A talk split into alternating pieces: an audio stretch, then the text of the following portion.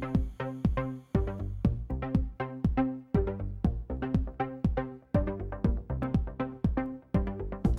Velkomna að speklinum um sjónum áður er Arnar Pátt Haugsson. Áslög Arna Sigurbjörnsdóttir er nýri dónsmálar á þeirra. Þetta var samþyngt innróma á þingsflóffundi sjálfstæðismanna nú á sjötta tímanum. Hún er næst yngstir á þeirra niður líðveldi sögunni. Sendir að Kína og Ísland er mjög ósáttur við ummæli Mike Pence eh, var að fórsita vandaríkjanum bæði belt og braut og fjarskiptar í San Huawei.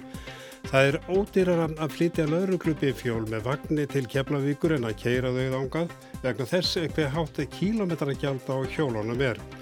Verðmæti efna sem laurugla lagði hald á nú þegar hún upprætti amfetamin framlegst í sumabústaði í borgarfiði í byrjun sumars eru tæpar 200 miljónu krónan.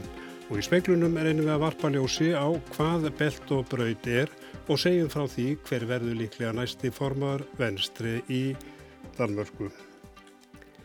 Byrjum á nýjur áþeira, Áslug Arna Sigurbjörnsdóttir verður næsti dónsmálar á þramformaður sjálfstæðarsflokksins tilkynnti þetta í valhöll nú klukkan hálf sex.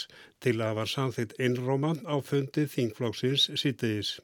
Þórdís Kolbrún Reykjörð Gilvadóttir varaformaður sjálfstæðisflokksins hefur gengt ennbætti dómsmálar á samt öðrum ráþarastörfum sínum frá því að Sigriður á Andersen sagði af sér í mars.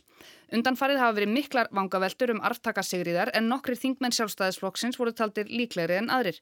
Þar ber fyrst að nefna nýja ráþarann, Áslögu Örnum, sem er rittari flokksins og formaður utanríkismálanemdar Alþingis. Hún er yngst kvenna til þess að taka við ráþæra embætti í sögu Íslands og hún er líka næst yngsti ráþæran í sögunni. Áslög Arna er 28 ára, fætt 30. november 1990. Bjarni Benediktsson, formaður sjálfstæðisflokksins, bóðaði til þingflokksfundar í Valhöll klukkan 5 í dag og bar þessa tillögu sína undir þingflokkin sem var samþygt einróma. Bjarni veitti Sigriði Dögg Öðunstóttur fréttamanni viðtal þegar fundi laug rétt fyrir klukkan hálf 6. Áslög er uh, efnilegasti stjórnmálamæður Íslands. Uh, hún hefur komið að miklum krafti inn í þingið og stýrt af öryggi og festu uh, stóri nefndi í þinginu. Um, það er þess vegna vel hægt að treysta henni fyrir ennbætti dómsmálar á þeirra en ég verð að segja á sama tíma líka spennandi að hleypa ungu fólki að í fremstu línu stjórnmálana. Áslaug Arna er stött í Helsingi á vegum utanríkismálunemdar Alþingis en það náðist í hana í síman úr rétt fyrir fréttir. Hún fekk að vita ákverðun formannsins eina mínútu í fimm. Ég er ofaslega þakklátt fyrir að vera treyst fyrir þessi stóra verkefni og er mjög spennt að taka þá við öllu stóra verkefni sem eru undir í þessu ráðviti. Er eitthvað svona sem að þú náttúrulega hlýtur að hafa velt þessu aðeins fyrir þér, er eitthvað svona sem að þú sér fyrir þér að, að leggja áherslu á í þessu nýja ennbætti? Það verður bara að koma að ljós. Ég er að stíga inn í ákveðna ríkistjón. Það þarf að fara eftir ákveðnum sáttmála. En ég mun bara inn í ráðanættis tilhlökunar og, og taka verkefni sem þar eru alvarlega. Sæði Áslögu Arna Sigur Bjóstóttir nýr dónsmálar á þeirra við Sunnu Valgeradóttur. Jenny Zhou Tien sendir að Kína og Íslandi segir að framkoma Mike Pence að vara fórsita bandaríkina að veri svíðrileg. Hann hafi haft upp ásakanir um kýmverska fjarskiptari Sanna Huawei sem eigi sér enga stóði í raunveruleikunum. Chinese government has never asked and will not ask companies or individuals to collect Sendi herran segir að kínversk stjórnvöld hafi ekki og muni ekki byggja fyrirtæki eða einstaklinga um að sapna saman eða útvega gögn um ríkisborgara annara landa fyrir kínversk stjórnvöld með tækjum þeirra eða vörum. Hann sé einfallega á móti aðferðum bandaríkjana að reyna að hasla sér völl á alþjóðavettvangi með róksherrferðum gagvart vissum kínverskum fyrirtækjum á nokkura sannana. Slík hegðun er svíverðileg og siðlaus og gengur gegn grunnreglum um frjáls vöruviðskipti og markas hagkerfum.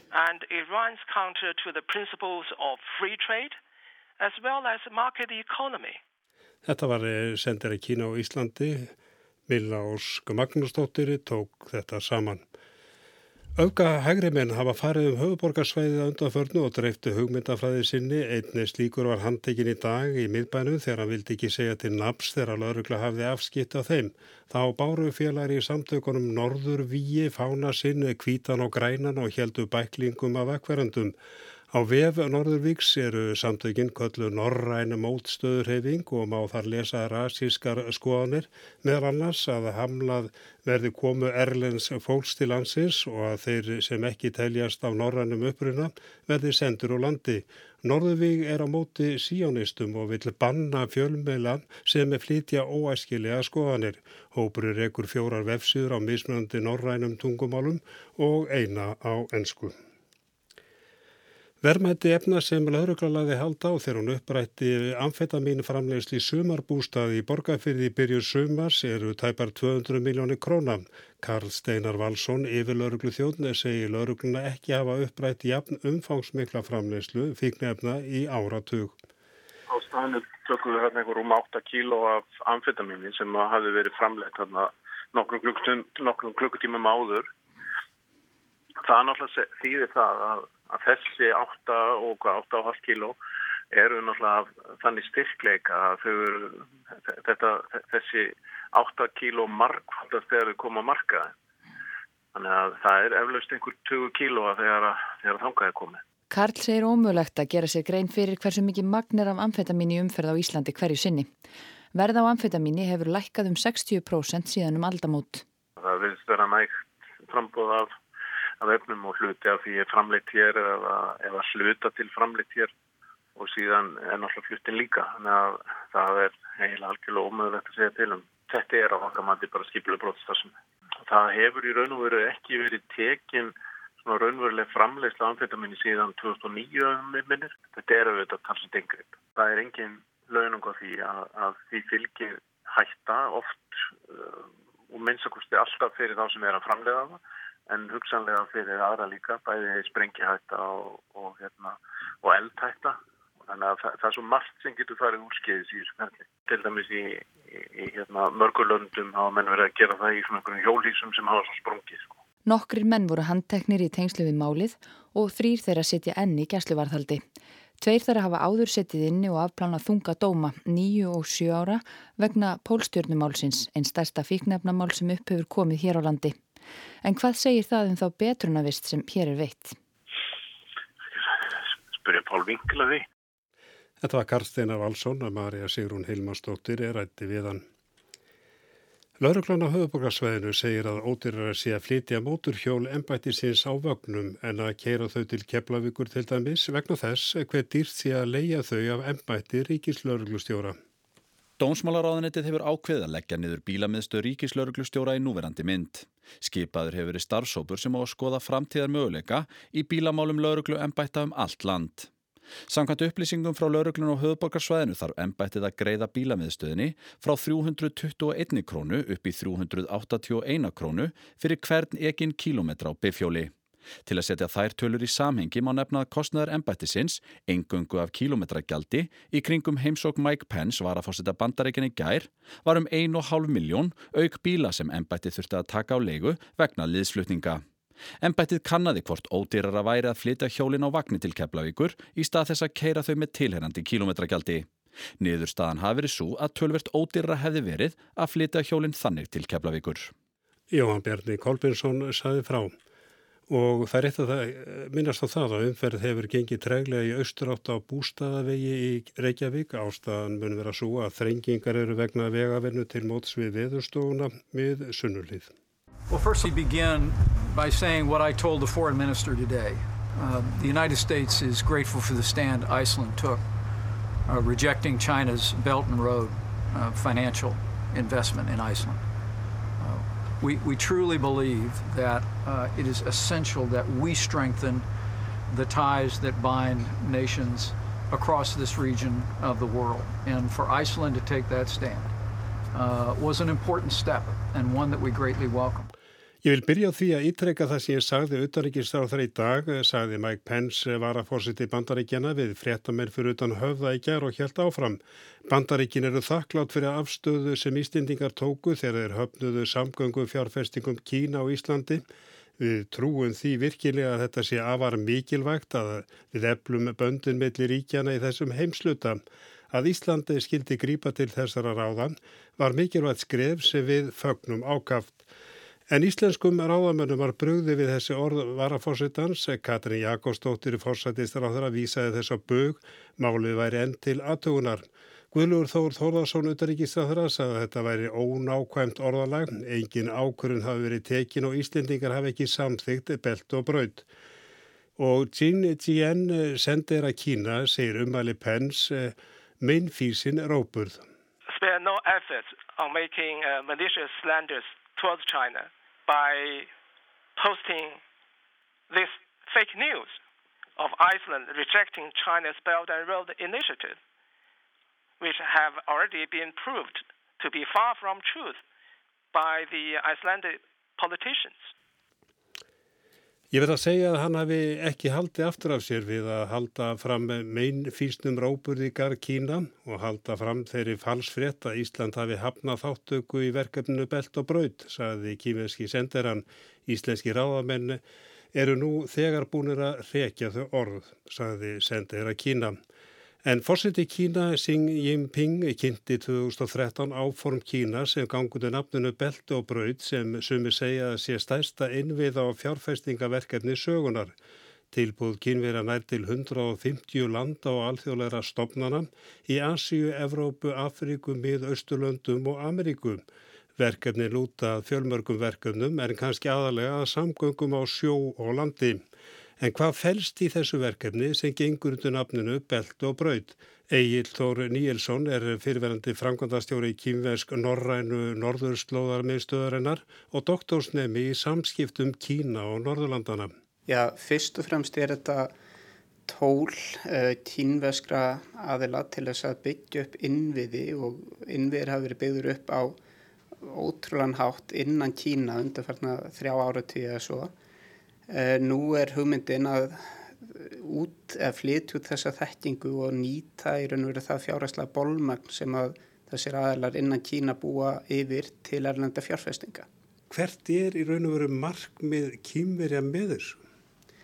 Já, fyrst og fremst myndi ég halda að það væri þessi fimm yfirlistu markmið og þá sérstaklega þegar kemur að því að skapa tengingar sem að styðja þá við viðskipti Eh, Kína er stærsta vestlunar þjóð í heimi þegar kemur að viðskiptum inn og út úr landu og eru mjög háðir því að hafa klárar og sterkar samgöngur þegar kemur að ja, verslun eh, með skipum, með flugi og svo framvegis og lestum.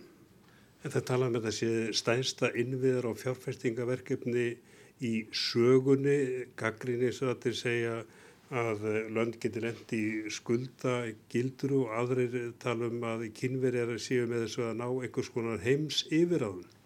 Já, svona til að byrja með með skalan að þá verður auðvitað svolítið að taka tillit til þess að þetta er verkefni sem byrjar í Asju þessum úrst með 60% af mannkinni þar af 3 miljardar sem er ekki kynverjar og tækifærin sem að þeir sjá þetta í því að geta byggt upp samgöngukerfa sama hátt og svipan hátt og þeir hafa gert heima fyrir eru þetta bara skala sem hafa aldrei verið til staðar. Það sem að nú eru 7,5 cirka miljardur íbúa eh, á jærðkringunni.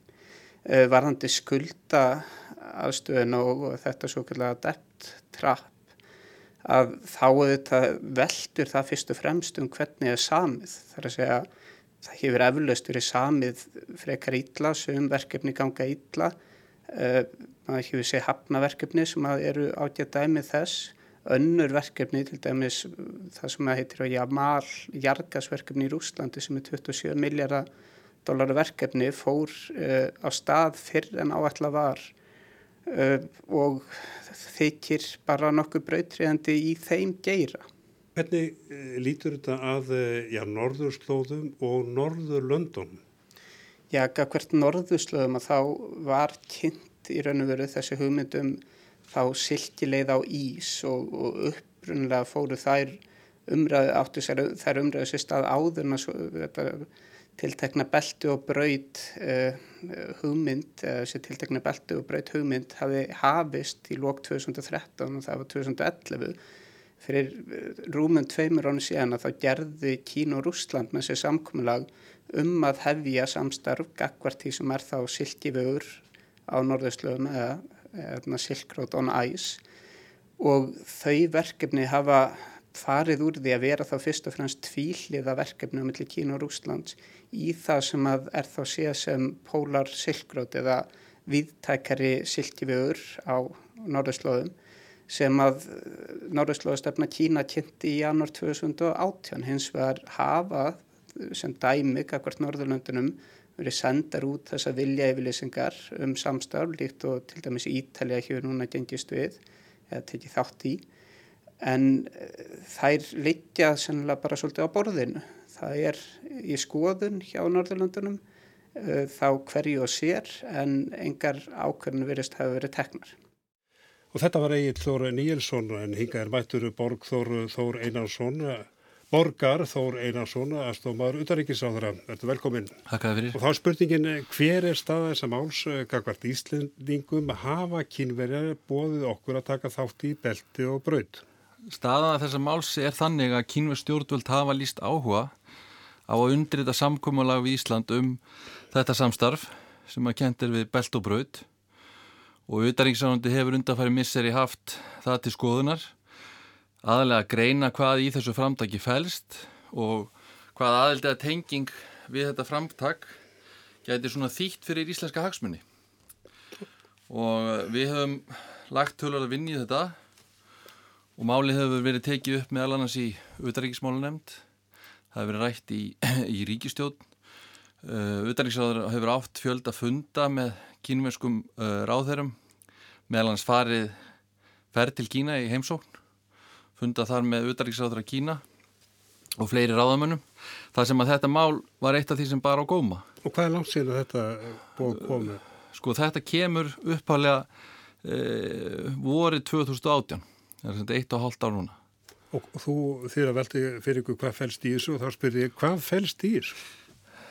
Sko það er óljóst að mörguleiti hvað fælst í þessu Þetta er auðvitað innviða uppbygging fyrst og fremst, eða svona það er kjartin í þessu og kínverðar hafa líst þessari sín en eh, í raun og verður þetta yfirlýsing um náið samstarfi kínverja uh, í litlu og stóru og það skýrir að mörguleiti af hverju við, Íslands stjórnvöld, eins og stjórnvöld flestra annara vestur-euróskra ríkja býðum átækta.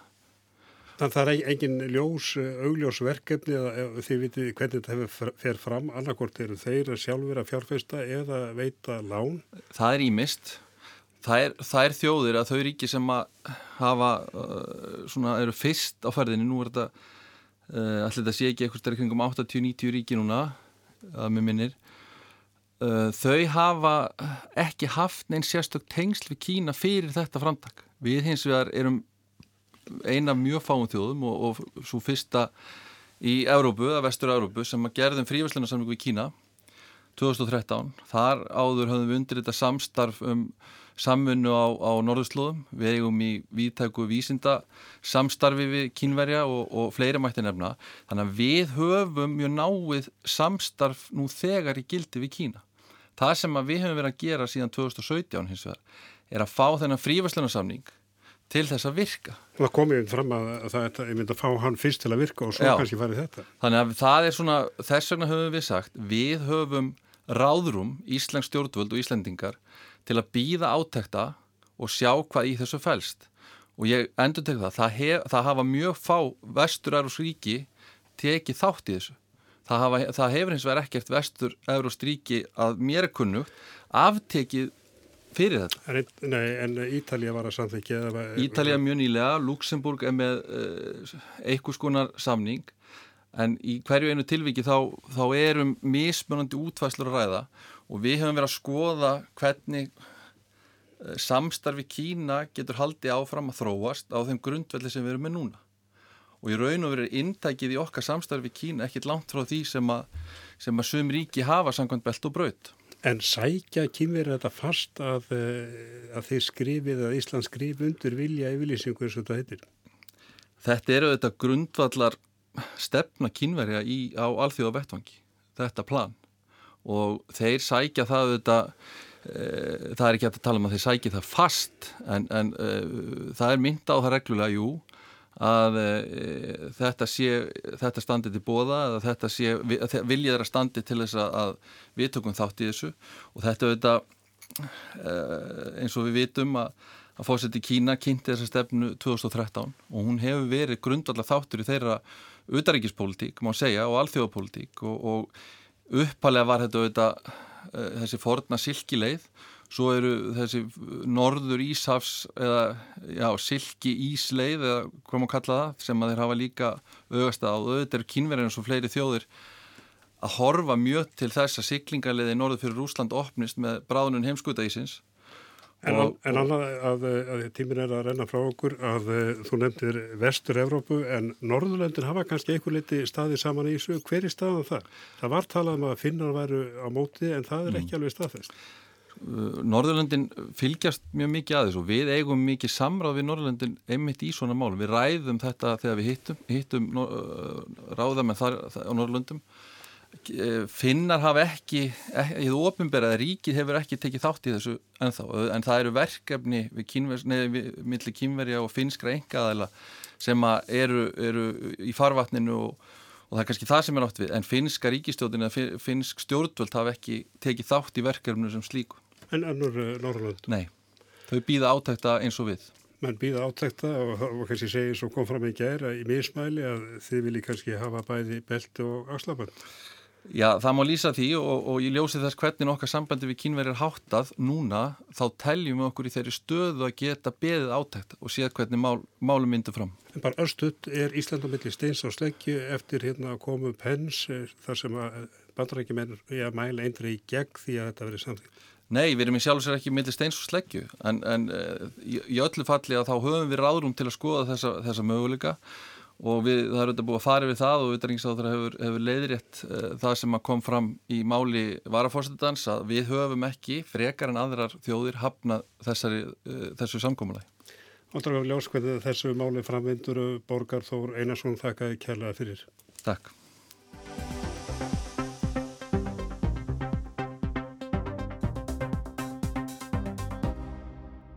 Krónprinsinn í venstri er að taka við konungsríkinu. Jakob Ellemann Jensen hefur tilkynnt að hann sækist eftir því að verða formaður venstri. Hann tæki þar með við af Lars Lökke Rasmussen fyrirverandi forsætisráð þeirra Danmörkur sem tilkynnti afsög sína um helgina. Jakob er sonur Uffe Ellemann Jensen sem leiti flokkin í 14 ár frá 1984 til 1998 og var utanreikisráð þeirra Danmörkur í rúman áratug. En helt almindelig mandag aften i oktober ringede min telefon. Det var min mor, og jeg kunne med det samme høre på måden, hun sagde hej på, at der var noget helt galt. Hun ringede for at fortælle mig, at min far var faldet om derhjemme i soveværelset i mit barndomshjem i Sønderfælling. Han havde fået en hjerneblødning. Hér lýsir Jakob því þegar móður hans ringdi og tilkynnti honum að fadur hans hefði fengið hjarta áfall. Nú er krónprinsinn að öllum líkindum að taka við ríki föður síns. Frá því að pappin hætti sem formaði venstri hafa aðeins tveir gengt í ennbætti, Annes Fó Rasmussen og Lars Lökke Rasmussen. Á kjörta árið 2011 þegar Jakob var fyrst kjörin á þing var hann spurður hvort fadernið þvældist fyrir honum. Ja, det er der også. Jeg overvejede også at bruge Jakob Jensen, men den er optaget. Men selvfølgelig så giver det noget opmærksomhed, og det er overvejende positiv opmærksomhed. Så den har jeg jo selvfølgelig lænet mig op af og, og udnyttet øh, naturligvis som, som den platform, det har været. Jakob segir að það sé oft erfitt að vera sonur þekkt stjórnmálamanns. Hann hafi hugleitt að nota einungisnafni Jakob Jensen en það hefur verið upptekið. Hins vegar fylgið þekkt um föður ákveðin aðtikli og þá aðtikli hafa hann nýtt sér. Hann segist ekki hafa farið að ráðum föður sín sem að halda sig frá pólitík. Oh, ja, det, jeg burde jo sige at lade være med at gå ind i politik, men det, det har jeg så åbenbart ikke forstået alligevel.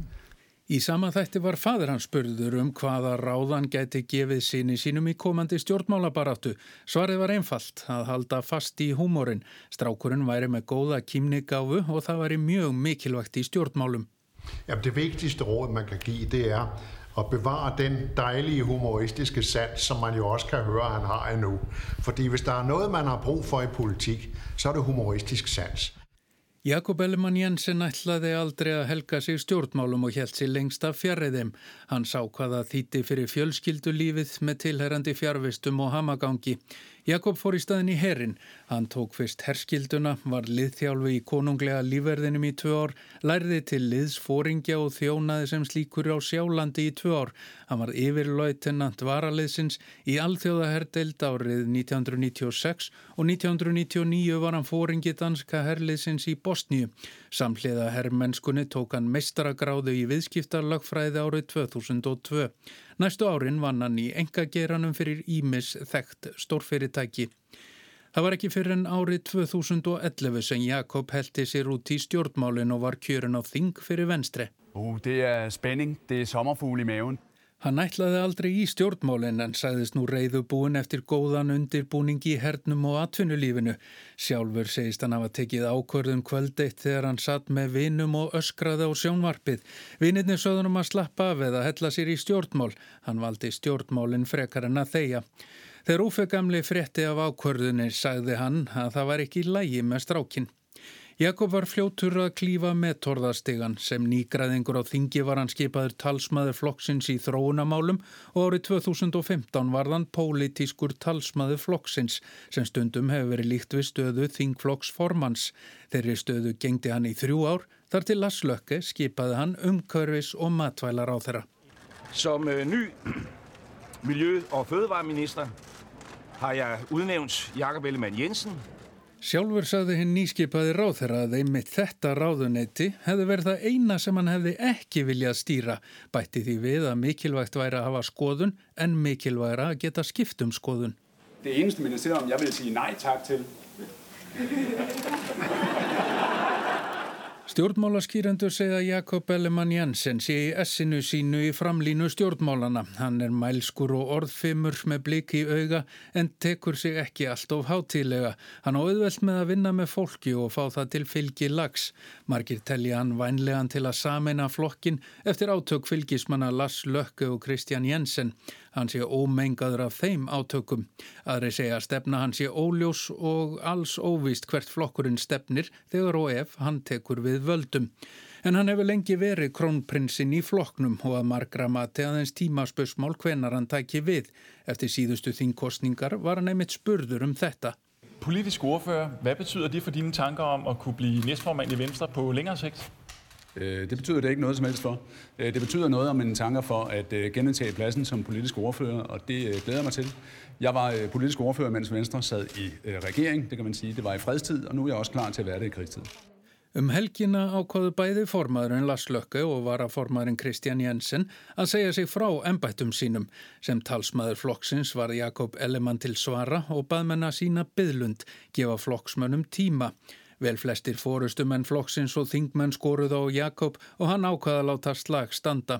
Hann grýpur oft til tungu taks úr hernum. Þegar orrarhríðin var sem mest gegn ríkistjórn Lars Lökke, saði talsmaðurinn Jakob að það væri lítill munur á því að vera herrmaður og stjórnmálamaður.